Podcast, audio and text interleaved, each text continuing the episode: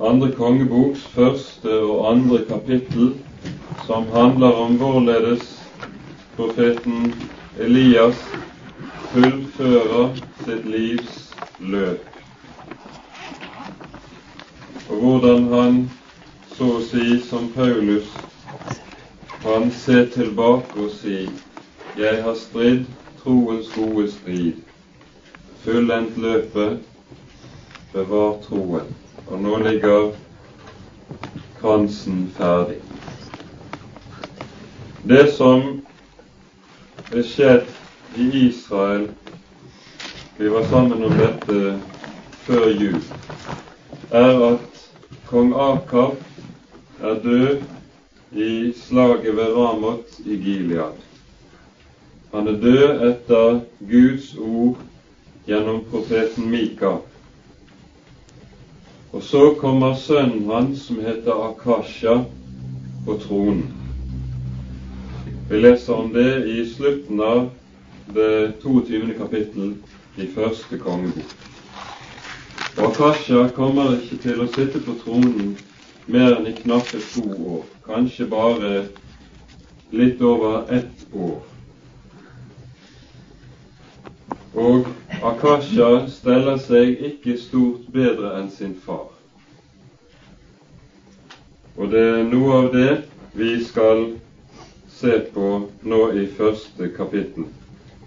Og vi leser i første kapittel i andre kongebok.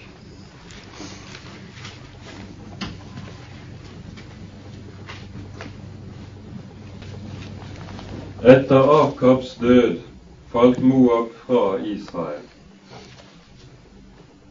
Kong Akasha falt ut gjennom gitteret i sin sal i Samaria og ble syk. Da skikket han noen sendebud av sted og sa til dem, Gå og spør Baal Sebub, Ekrons Gud, om jeg skal komme meg av denne sykdom.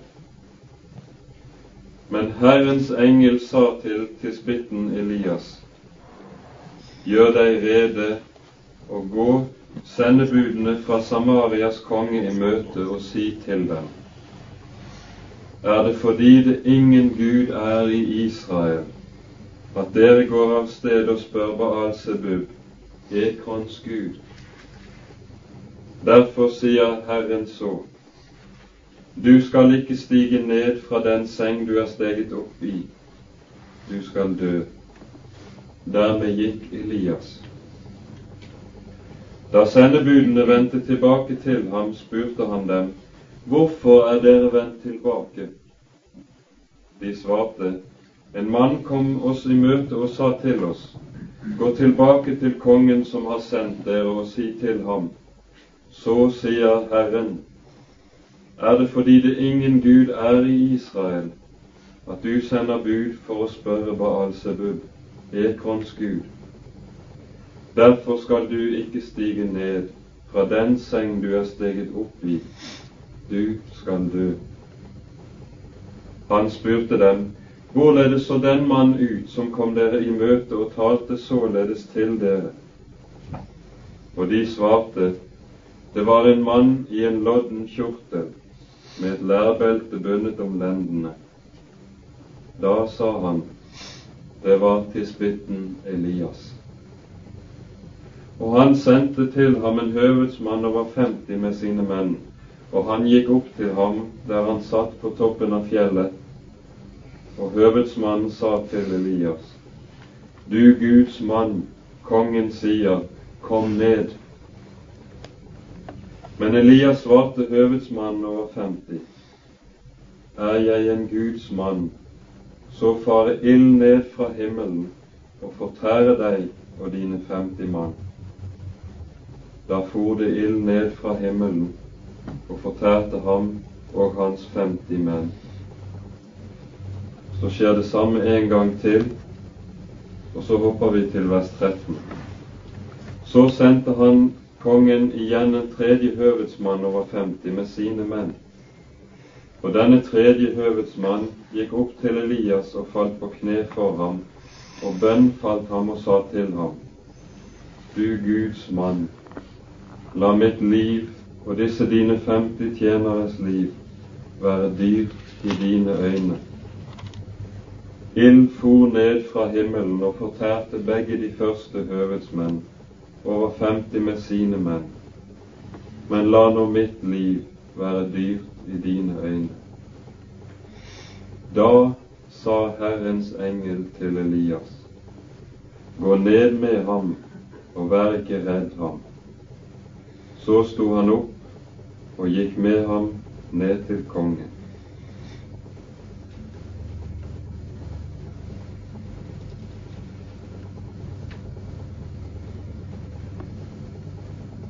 I en gammel oversettelse av et ord hos Esaias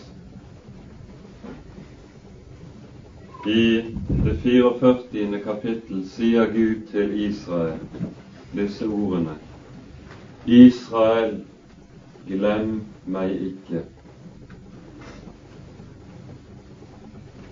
Og det vemodige og det tragiske er at det er nettopp dette som skjer i Israel. De glemmer Herren sin Gud. I 5. Moseboks 32. kapittel står det om Israels folk profetert slik. Klippen ditt opphav enset du ikke. Du glemte Gud som skapte deg, og som fødte deg. Dette er det Israel gjorde. Og før Moses skal dø, sier Gud til Moses, det står i det 31. kapittel i 5. Mosebok, jeg vet at når du er død, så vil folket vende seg fra meg og glemme meg og vende seg til andre guder. Og nettopp dette er det Israel gjør. Gang på gang, og kongene går i spissen for folket. Når Akasha har falt ut gjennom gitteret i slottet sitt, det var vel slik som det husene var den gangen, at det var flate tak med et gitter hvert et gjerde rundt. Han har støttet seg på det og falt ned i gården. Og så har han slått seg halvt fordervet, som vi sier det. Og resultatet er et langt sykeleie. Dette bærer i seg at det egentlig er et dobbelt fall for kong Akasha. Vi kan kalle det andre fallet for Akashas syndefall. Og så står han der lik en av sine forgjengere på Judas trone. Vi var sammen om kong Asa i høst. Om han sto det, som vi husker, han søkte bare til legene. Han søkte ikke Herren. Akasha er enda verre. Han venner seg til avgudene. Og dette er desto mer alvorlig på bakgrunn av at kong Akasha har sett alt Gud har gjort i hans fars regjeringstid. Han har vært vitne til hva som skjedde på Karmel hvorledes Herren demonstrerte foran hele Israels øyne hvem som var Gud. Og han har vært vitne til hvorledes Herren har forkynt dommen over Akabs ugudelighet, og hvorledes ordene har vært oppfylt til punkt og prikke. Hos Jeremia så sier Gud, jeg vil våke over mitt ord så jeg skal fullbyrde det. Og nettopp det har Akasha vært vitne til, at Gud har våket over sitt ord og fullbyrdet det. Og allikevel gjør han det han gjør. Vi kan undre oss over at en mann kan gjøre slikt. Men så sannes det på ham det som sies hos Esaias i det 42. kapittelet om hele Israel som folk. Du har sett meget, men du tar ikke vare på det. Du er blind. Altså, vi skal merke oss her at å se det Gud gjør like for sine øyne, det er ingen garanti for at et menneske skal komme til tro. Vi tenker jo av og til slik i vår enfoldighet at bare vi kunne bevise, bare vi kunne gjøre slik at mennesker kunne få se hvorledes Gud var, hva Gud gjorde, kunne så å si ta og føle på Guds hånd, da ville de komme til tro. Slik er det ikke. Et menneske som ikke vil tro, det vil ikke tro om Gud så å si stiller seg like foran øynene hans og sier 'Se, her er jeg'. Han vil likevel ikke ta imot det. Og dermed lærer vi noe som er helt fundamentalt om oss mennesker. Nemlig det at når vi kommer ut for det som har med prøvelser, motgang og ulykker i livet å gjøre, så har det to virkninger, alt etter hvorledes et menneskes hjerte er. Det står slik i Salme 34, vers 20 og 22. Den rettferdige har mange ulykker, men Herren utfrir ham av dem alle. Slik virker ulykken på den rettferdige, den som kjenner Herren og lever fortrolig med ham. Det virker til at han utfris, det virker til lykke, til gagn for ham. Men så står det to vers nedenfor. Ulykke dreper den ugudelige. Der har det altså den stikk motsatte virkning.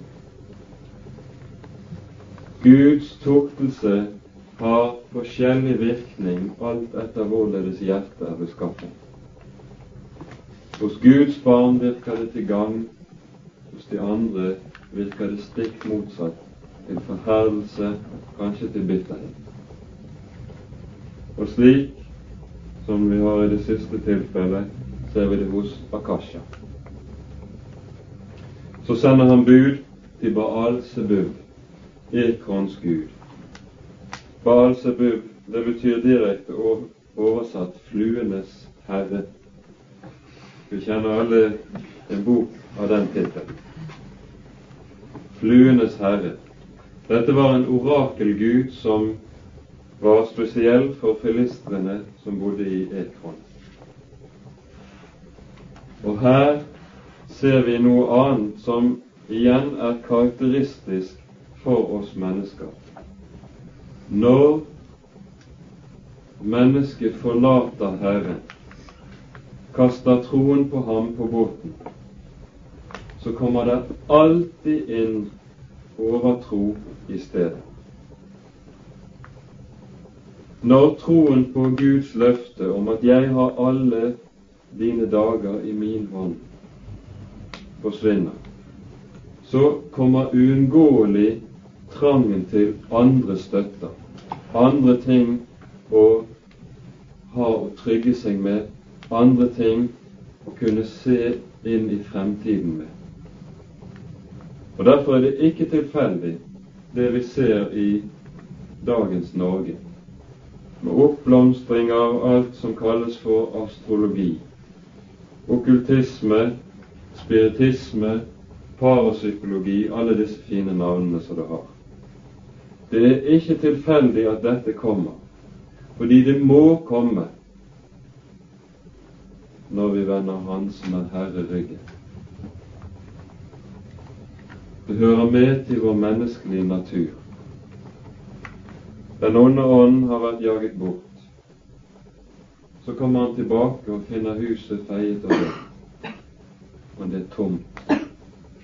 Og da henter han syv andre som er verre, fyller huset. Noe av det er det som skjer. Og vi skal merke oss alle disse nye tingene som dukker opp, og som egentlig ikke er nye. Det er noe som langt fra er ufarlig. Vi har i mange år alle sammen smilt overbærende over disse astrologiske spaltene i ukebladene. Nå har dette blitt noe som vokser frem og får makt, og det ligger en åndsmakt bak dette som har en uhyggelig makt over sinnet. En åndsmakt som kommer nedenifra. Og Bibelen advarer oss på det sterkeste mot alle slike ting. Det er livsfarlig å gi seg inn på noe av dette. Bare å leke med det kan få farlige følger for livet vårt. Vi kan bare lese noen ord fra 5. Moseboks 18. kapittel.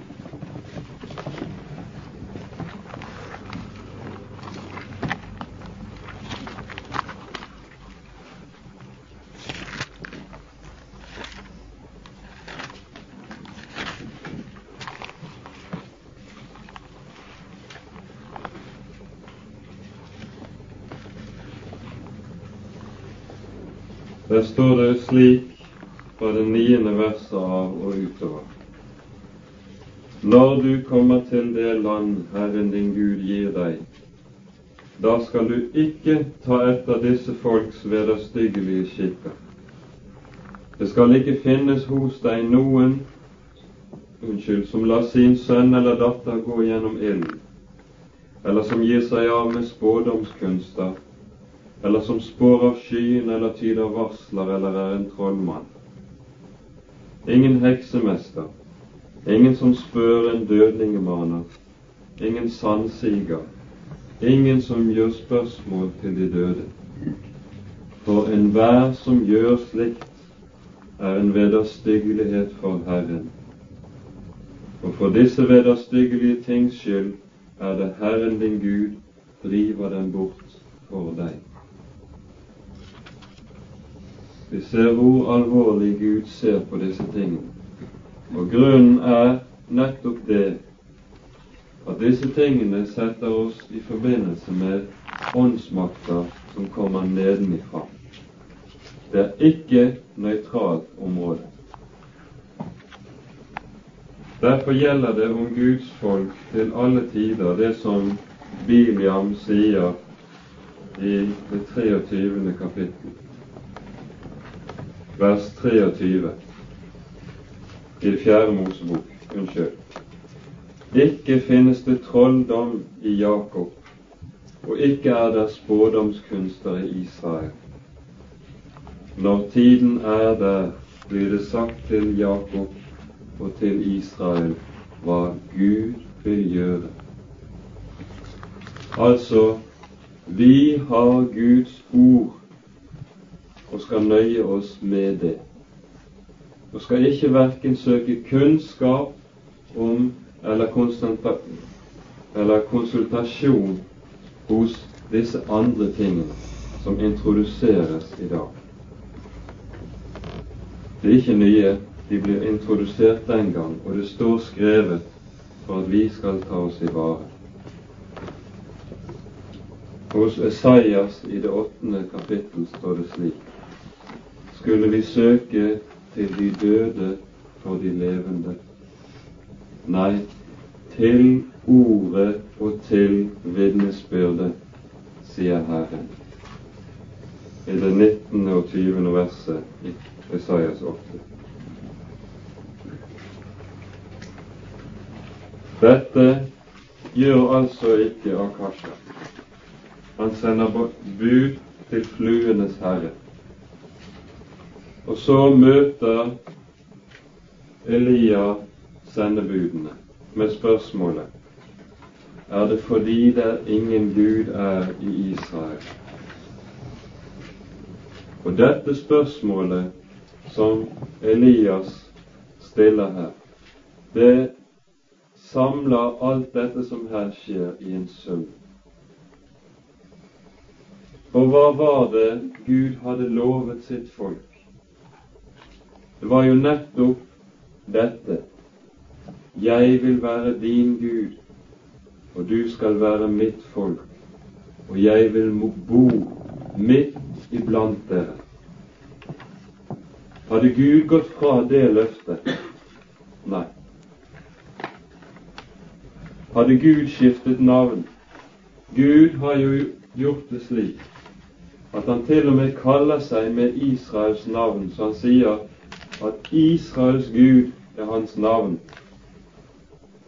Så han knytter seg så nær til dette sitt folk som han har elsket, slik at han kaller dem med sitt eget navn og deres navn bærer han. Han er Israels Gud. Han har heller ikke skiftet navn. Herrens del er hans folk, og Jakob er hans arvelodd, sier Moses i sin avskjedssang. Og så spør Elias er det fordi det ingen Gud er i Israel. Dette som Akasha har gjort, det er i realiteten så å si en utfordring av Herre. At han kaster hansken sånn som de gjorde i gamle dager når man utfordret til duell. Og her møter oss det som er den egentlige kamp i hele Israels historie, og særlig gjennom Israels frafallstider. Hvem er det som er Israels konge? Er det Herren som er konge i Israel? Eller er det Akasha?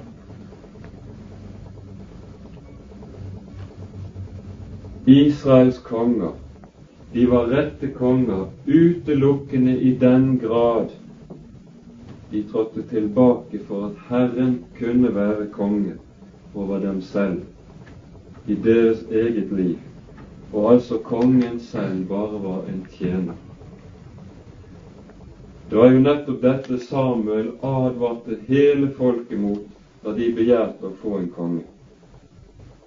Kongen vil opphøye seg over dere og han vil lede dere på gale veier. Nei, de ville ha kongen.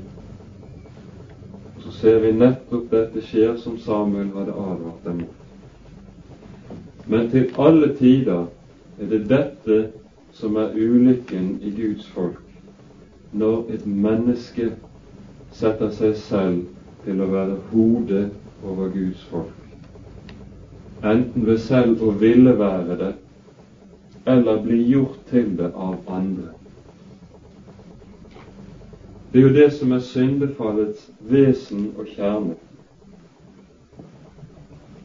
Når slangen fristet Eva, så var det jo med motivasjon. Du skal bli som Gud. Sette seg i Guds sted, ta Guds plass. Og det er det mennesker gjør når de vil være hodet. Dersom Han som er Herre, ikke får være konge for kongen, går det galt. Dersom Han som er Herre, ikke får være prest for prestene, så går det galt. Dersom Han som er Herre, ikke får lov til å være formann for alle formenn, det være seg i menighetsråd eller andre sammenslutninger, så går det galt. Og da har de tatt hans plass, som det alene tilkommer å være hodet i Guds folk. Og da skjer jo det som er å snu alle ting på hodet. Da blir makten vår, da blir riket vårt, da blir også æren vår. Mens det skulle vært slik at riket, makten og æren tilhørte ham alene. Så møter Herren sendebudene, og han lar seg ikke spotte. Så kommer dommen over Akasha. Du skal ikke stige ned av den seng du er steget opp i, du skal dø. Og i det ligger det veldige alvoret i det som Akasha har gjort. Og så ser vi hvorledes Akasha reagerer. Når David fikk disse ordene lydende over sitt liv når han hadde falt, hva gjorde han? Han tok det til seg og sa, ja, jeg har syndet mot Herren. Akasha gjør det motsatte. Han reagerer i raseri og vil gripe Elias og sender soldatene sine av gårde. Og her ser vi også noe som er karakteristisk. Når et menneske som nærer, fiendskap mot Herren, vil det alltid søke å gi Gud skylden og klandre Gud for ulykke og for alt ondt. Husk hva Akab sa første gangen han så Elia, når han etter at tørken hadde vært i tre år over landet. I første kongeboks 18. kapittel så sier kong Akab til Elias, er det du, min fiende, som fører ulykke over landet? Og Senere i det 22. kapittel så sier Akab om profeten Mika der er ennå en hos hvem Herrens ord er, men jeg hater ham, for han spår ulykke om meg. Dette her er en grunnlov i menneskehetens liv. At menneskers fiendskap overfor Gud det vil alltid rette seg mot Guds sendebud. Det vil alltid ytre seg mot dem som forkynner Guds ord. Og det vil aldri være annerledes. Det går ikke an på en gang å tro på Gud, og så samtidig å ta avstand fra de som forkynner Guds ord. Det er en illusjon. Jesus sier det, disse ordene kjenner dere. Har dere tatt imot meg, nei, har de tatt imot meg, vil de ta imot dere. Og vil de forkaste meg, vil de også forkaste dere. Altså, sendebudene deler skjebne med sin Herre og sin Mester. Og det å forkaste sendebudenes budskap, det å forkaste Herren selv. Det å nære fiendskap eller likegyldighet for sendebudene er å nære likegyldighet og fiendskap mot Herren selv. Det har Herren Jesus selv sagt uttrykkelig og meget, meget sterkt.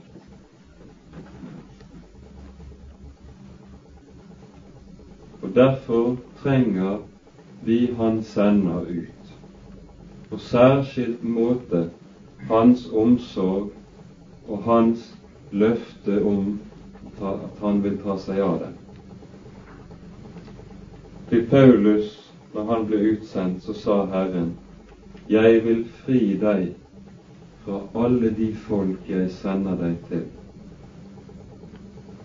Og det gjelder alle Guds sendebud. De trenger det løftet.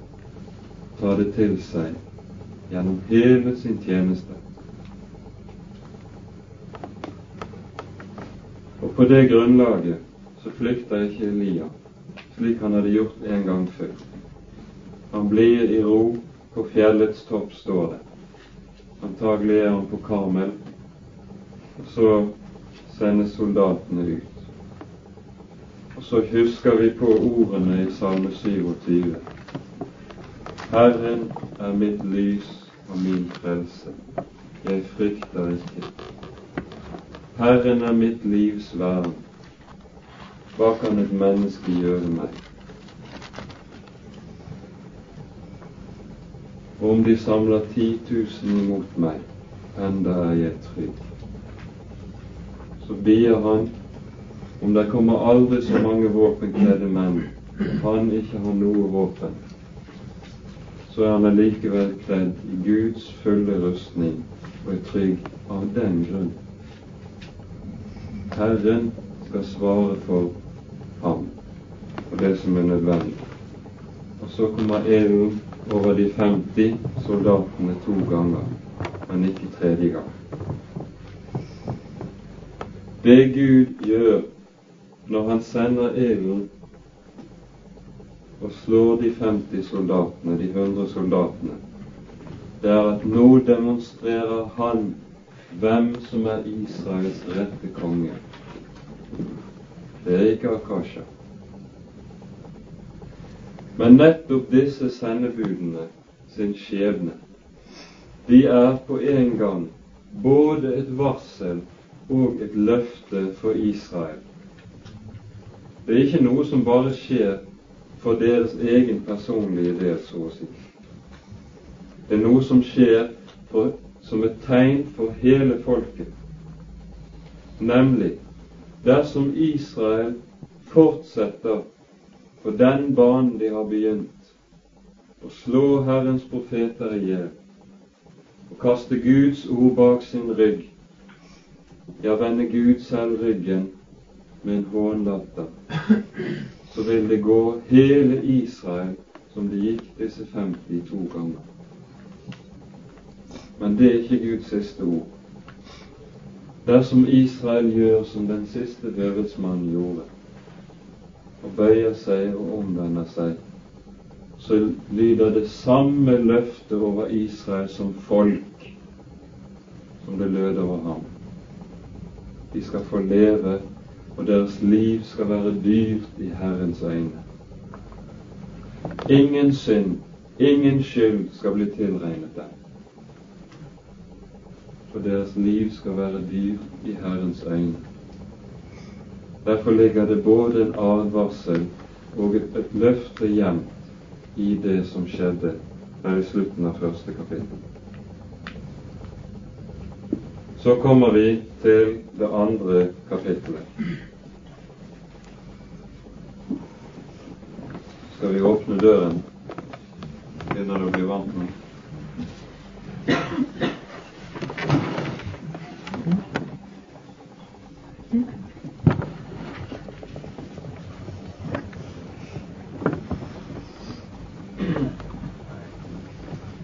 Den gang Herren ville ta Elias opp til himmelen i en storm, gikk Elias og Elisa fra Gilgal. Og Elias sa til Elisa, bli her, for Herren har sendt meg til Betel. Men Elisa sa, så sant Herren lever, og så sant du selv lever, jeg forlater deg ikke. Og så gikk de ned til Betel. Da gikk profetenes disipler som var i Betel, ut til Elisa og sa til ham, Vet du at Herren i dag vil ta din Herre bort fra deg over ditt hode? Og han svarte, Ja, jeg vet det. Ti bare stille. Så sa Elias til ham, Elisa, bli her, for Herren har sendt meg til Jeriko. Men han sa, så sant Herren lever, og så sant du selv lever, jeg forlater deg ikke. Så kom de til Jeriko.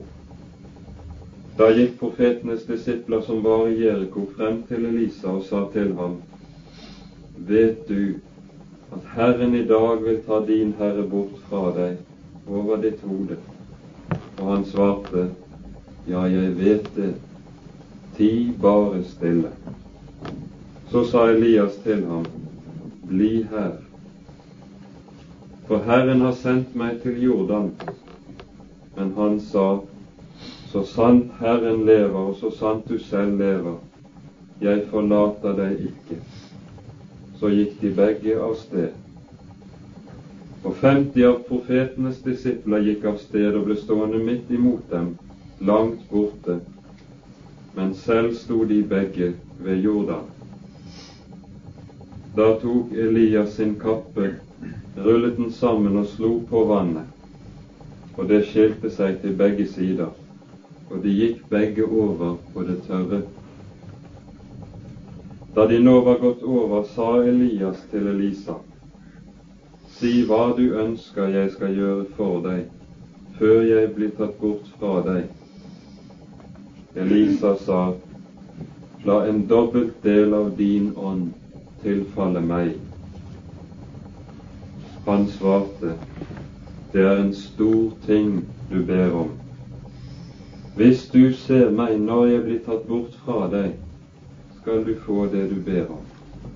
Ellers får du det ikke. Mens de så gikk og talte sammen, kom det med en gang en gloende vogn og gloende hester og skilte dem fra hverandre. Og Elias for opp i stormen til himmelen. Elisa så det. Da ropte han, Min far, min far, Israels vogner og ryttere. Der tror jeg vi stanser. Her er vi inne ved en begivenhet som står i en helt spesiell særstilling i Bibelen. Like som det meste andre i Elias liv gjør det. Det er knapt noen parallell til denne begivenheten utenom Jesu egen himmelfart. Og vi kunne kanskje også nevne Enok, som det står om i Første Mosebok femte kapittel. Enok vandret med Gud, så ble han borte, og Gud tok ham til seg. Enok døde ikke. Denne himmelfarten er like plutselig som og like fylt av under som hele Elias' liv og virke hadde vært. Og den bærer nøyaktig det samme preg som hele Elias' liv og virke. Storm og ild er stikkordene. Og nå er Elias' livsgjerning fullendt. For 700-800 år fremover i hvert fall. Han har fullendt løpet, bevar troen, og rettferdighetens krans ligger rede for ham. Dette er så å si Elias' kroning. Etter korset kommer kronen. Og vi vet fra det vi har vært sammen om tidligere, at Elias' liv i sannhet har vært et liv fylt både med kors og trengsel motgang og nød i rikt mål. Ja, og dette vet vi er en grunnlov i livet med Herren. Uten korset ingen krone. De to tingene hører sammen og må gjøre det. Når nå Elias skal fare bort, så får Elias gleden av i sin livsaften, så å si, å nyte noe av frukten av sin gjerning. Vi vet når han flyktet til Sinai, så klaget han sin nød for Gud og sa det jeg har vitnet om ditt ord, men jeg er alene tilbake i Israel. Han følte at han sto fullstendig alene. Det var ingen åndsfrende, det var ingen som hadde tatt imot hans ord. Det var som om alt var forgjeves. Så klager han sin nød. Nå ser vi at det allikevel har vært frukt i det som kalles profetskolene blant profetenes disipler. Allerede Samuel, husker vi, hadde opprettet noen sånne profetskoler, som kanskje i en viss grad tilsvarte noe av det som kalles for bibelskole i dag. Der man var sammen i samtale om Guds ord og i å trenge inn i det som den gangen var Hellig Skrift, altså først og sist Mosebøkene. Første Samuels bok 10. og 19. kapittel ser vi noen glimt inn i dette. Disse var i profetisk henrykkelse, og sang og musikk hadde stor plass i deres samvær. Og her møter vi igjen profetenes disipler. Det var slike skoler både i Betel, i Gilgal og i Jeriko, og kanskje flere steder også i Israel. Og vi vet at flere av Det gamle testamentets profeter kom fra slike profetskoler. Antagelig har profeten Jonas, som begynner å virke noen år senere, etter at Elisa er død, er han en av disse. Når Amos sier at han ikke er noen profet og ikke har, har noen profets gjerning, så sier han det fordi at han hører med til unntakene. Han vil presisere han har ikke gått på en profetskole. Det står i Amos 7,14 for de som har lyst til å notere det. Profetens disipler vet hva som forestår. Hvordan de har fått vite det, det aner vi ikke. Bibelen sier det ikke. Her ser vi hvordan Bibelen helt typisk kun tar med det som er nødvendig for oss til frelse, til oppbyggelse. Det er en mengde ting Bibelen unnlater å fortelle om. Bibelen har ikke som interesse å fortelle en fullstendig biografi, f.eks. fra profetens liv. Den tilfredsstiller ikke vår nysgjerrighet på slike områder. Helt strikt tar med det som er nødvendig for oss til frelse, til liv og til oppbyggelse. Alt annet utelates.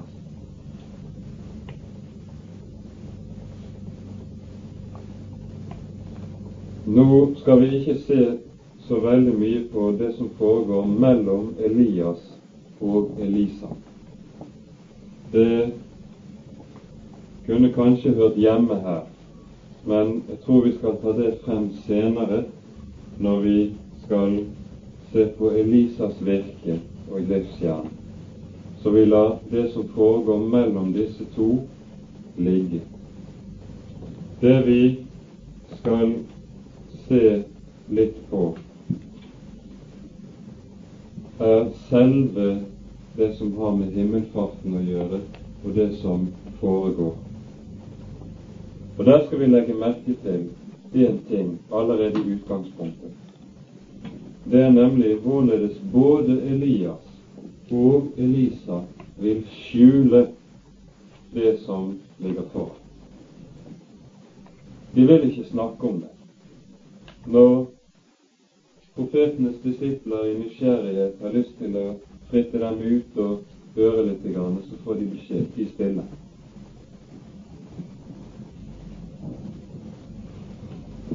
Bibelen er uhyre sparsom med sine ord når den vil tale om dette. Meget, meget nøktern. Og det ligger det er en grunnlov som gjelder også om dette, som står i Esaias 4 nemlig over alt herlig er det et dekke. Over alt herlig er det et dekke. Og vi skal vokte oss vel for å prøve å dra det dekket til side. Dette går på tvers av noe som er en dyp trang hos oss. I vår kjødelighet så er vi nemlig uhyre nysgjerrige. Vi har trang til å granske og grafse i alle mulige slike ting. Sensasjon er ord som ligger nær. Det er så fantastisk, det er så storartet. Så springer man rundt og løper og forteller og snakker og skravler.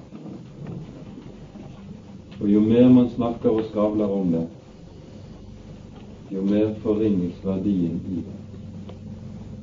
Og nettopp derfor sier Jesus om disse tingene Kast ikke deres perler på svin. De vil vende seg om og tråkke dem. Jo større ting, jo helligere ting som omtales i Bibelen, jo mer stillferdig taler Bibelen nå. Jo mer sparsom er Bibelen i sin omtale av disse tingene. Men nettopp disse profetdisiplene faller i denne grøften. De er så nysgjerrige. De vil så gjerne se. For her værer de noe som virkelig er sensasjonelt. Tenk når folk får vite hva som har skjedd her. Det avslører en stor grad av åndelig umodenhet, denne holdningen hos dem. Men nettopp fordi vi så gjerne vil se inn i dette som er så storartet og sensasjonelt, så får de ingenting se. Det var kun Elisa som fikk se, ingen av de andre. Det ser vi på deres reaksjon etterpå, men det har ikke vi lest, og det lar vi ligge. En slik tilbakeholdenhet preger også Paulus. Når han vil fortelle, skal fortelle om syner han har hatt, så gjør han det utelukkende av én grunn. Han er, ser seg tvunget til det. Det står om det i 2. Korinterbrevs 12. kapittel. 14 år tilbake var han rykket inn i den tredje himmel, forteller han og han så ting som det ikke var tillatt for mennesker å tale om. Derfor taler han heller ikke noe om. Han legger et slør over. Slik taler ikke Bibelen stort, verken om det som har med himmelen å gjøre. Den gir oss glimt, nok å vite til at vi skal ha trøst og håp ved de glimtene vi får se men den gir oss ingenting for nysgjerrigheten og sensasjonslysten. Å gi seg til å gjøre seg selv interessant ved hjelp av fantastiske opplevelser og syner og andre sensasjonelle ting. Det er bibelsk liv fullstendig fremme. Det er å kaste perler for svin og selv å bli svin. Tenk på hvor tilbakeholdende Bibelen er i beretningen om Jesu himmelfart. Det beskrives bare en kort setning. Han ble tatt opp, og så skjulte en sky ham for deres øyne. Punktum. Det sies ingenting mer. Alt dette er noe som vi mennesker synes er meget utilfredsstillende. Derfor har det i årenes løp, f.eks. i kirkehistorien, dannet seg en rik flora av legender som kan fylle ut disse tingene, hvor Bibelen selv er nøktern og sparsom. Og så kan man snuse i det store og fantastiske. Gud hadde ikke ment det. Når han sier om Israel i Hoseas 14. kapittel, så står det om Israel. De skal blomstre som vintreet. Hva kjennetegner vintreets blomster? Jeg tror vi har vært inne på det tidligere. Jo, det er det at disse blomstene kan ikke sees. De er så små, mindre enn blomsten til marikåpen, og de er grønne, slik at de går helt i ett med bladverket. Blomstringen er over bare på en dag, så det sees ikke. De skal blomstre som vintreet. Der legges forutsetningen for frukten i noe som er skjult, går stille og ubemerket for seg. Og Derfor er det kanskje noe av grunnen til at det dukker opp så ofte som det gjør i Salmenes bok, at David sier Du, Herre, er mitt skjul. Og Paulus sier i Kolosserbrevet vårt liv er skjult med Kristus i Gud.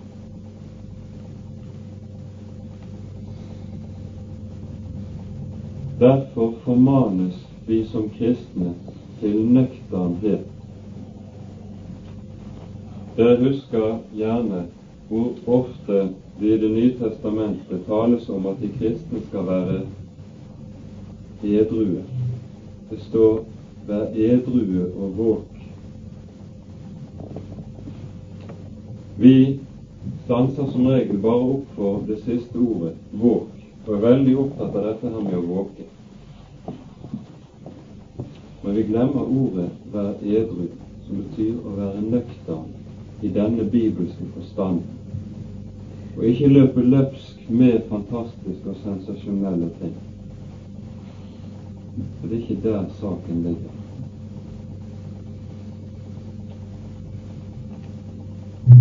Derfor er det også Bibelen er så sparsom med ordene når den omtaler også Elias himmelfart. Vi kunne nesten på bakgrunn av dette spørre hvorfor Hvorfor sier da Bibelen noe om det i det hele tatt? Den sier det ikke for å tilfredsstille vår nysgjerrighet, men for vår egen del, for at vi skal ha håp og ha noe å feste håpet og troen på.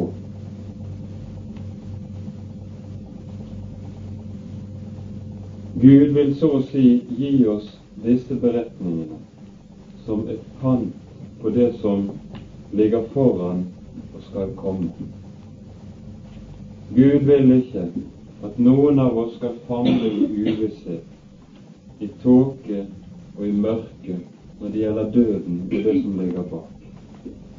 Han vil ikke overlate oss til tvil og famling og alt det det innebærer av utrygghet for et menneske som strever med de tingene. Nei, han vil gi visshet.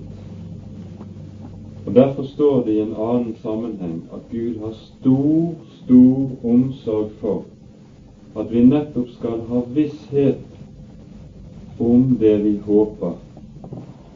Sånn at det står i Hebreabrevets sjette kapittel Gud ville at vi skulle ha en uryggelig trøst. Og Derfor gjorde han det slik at han ikke bare lovet oss bestemte ting, men han sverget også på det. Slik at vi ved to uryggelige ting, hvorved Gud umulig kunne lyve, skulle ha en sikker trøst, et fast håp, et håp som er like som et anker som går gjennom forhenget. Et anker, vet vi, når det slippes ut fra et skip som driver på været ved hårdt vær, så kan det ankeret berge skipet trygt gjennom bruskevær. Slik var det i hvert fall tidligere når skipene var mindre enn de er i dag. Gud vil at vi ikke skal famle, men at vi skal ha visshet og Derfor sier også Paulus i 1. Korinterbrev 5. kapittel vi vet at om dette dødens legeme nedbrytes, så ikles vi dog et nytt. Og dette skal vi merke oss. Prøv å se i en bibelordbok hvor mange ganger dette ordet 'hvite' dukker opp når det gjelder det kristne liv. Det står 'vi vet'. Står ikke 'vi tror eller håper' sånn langt uti det. Men det står 'jeg vet på den på hvem jeg tror'. Vi vet hvilket håp vi har. Vi vet at vi, når vi er døde med Han, så skal vi også oppstå med Ham. Det legges en grunnleggende vekt på at vi som kristne skal ha visshet og kunne si frimodig og trygt vi vet. Derfor er det Gud gir oss disse tingene. Ikke for at vi skal forstå det med forstand, men for at vi skal vite med troens egen visshet. I dette ligger Guds egen sjelesorg overfor oss for at vi skal ha en, klippe å stå på når været blir hårdt. Når den onde skyter sine brennende piler mot et menneskes hjerte, så må vi nemlig ha et skjold som holder, som er bygget på noe som er reelt, noe som er virkelig, ikke noe som bare fantasi og løse tanker. Derfor gis denne beretningen oss om Elias himmelfart som en beretning om noe som virkelig har skjedd, som dermed gir oss et løfte om noe som skal skje en gang med alle Guds barn. Vi skal også krones på samme måte som Elias. For når han utvalgte seg et folk av en vrang og syndig slekt, så sa han dere skal være meg et hellig folk, og dere skal være et kongerike av prester. Dere skal være min eiendom. Og så kommer Han som er Herre en dag, når vi har gått igjennom vår storm og vårt Jordan, for krone. Da har jeg lyst til å lese ordene fra 5. Moseboks 26. kapittel.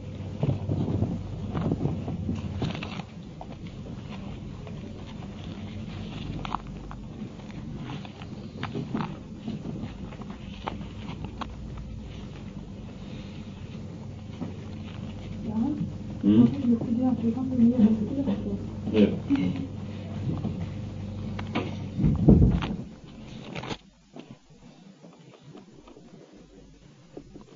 Vi leser vers 18 og 19. Herren har i dag gitt deg sitt ord, at du skal være Hans eiendomsfolk, således som Han har sagt til deg, og at Han, dersom du holder alle Hans bud, vil heve deg høyt over alle de folk Han har skapt, til pris og til ry og til pryd at du skal være et hellig folk for Herren din Gud, således som Han har sagt. Stykkevis kan kanskje noe av dette gjelde her. Men Han skal heve og opphøye til pris og til ry og til pryd, slik at vi bærer det som Johannes' åpenbaring med sine bilder kaller for kronene Å bære og fordele Jesu egen krone, like som Isaiah Elias er det. Og de som var dypt fornedret, skal bli høyt opphøyet.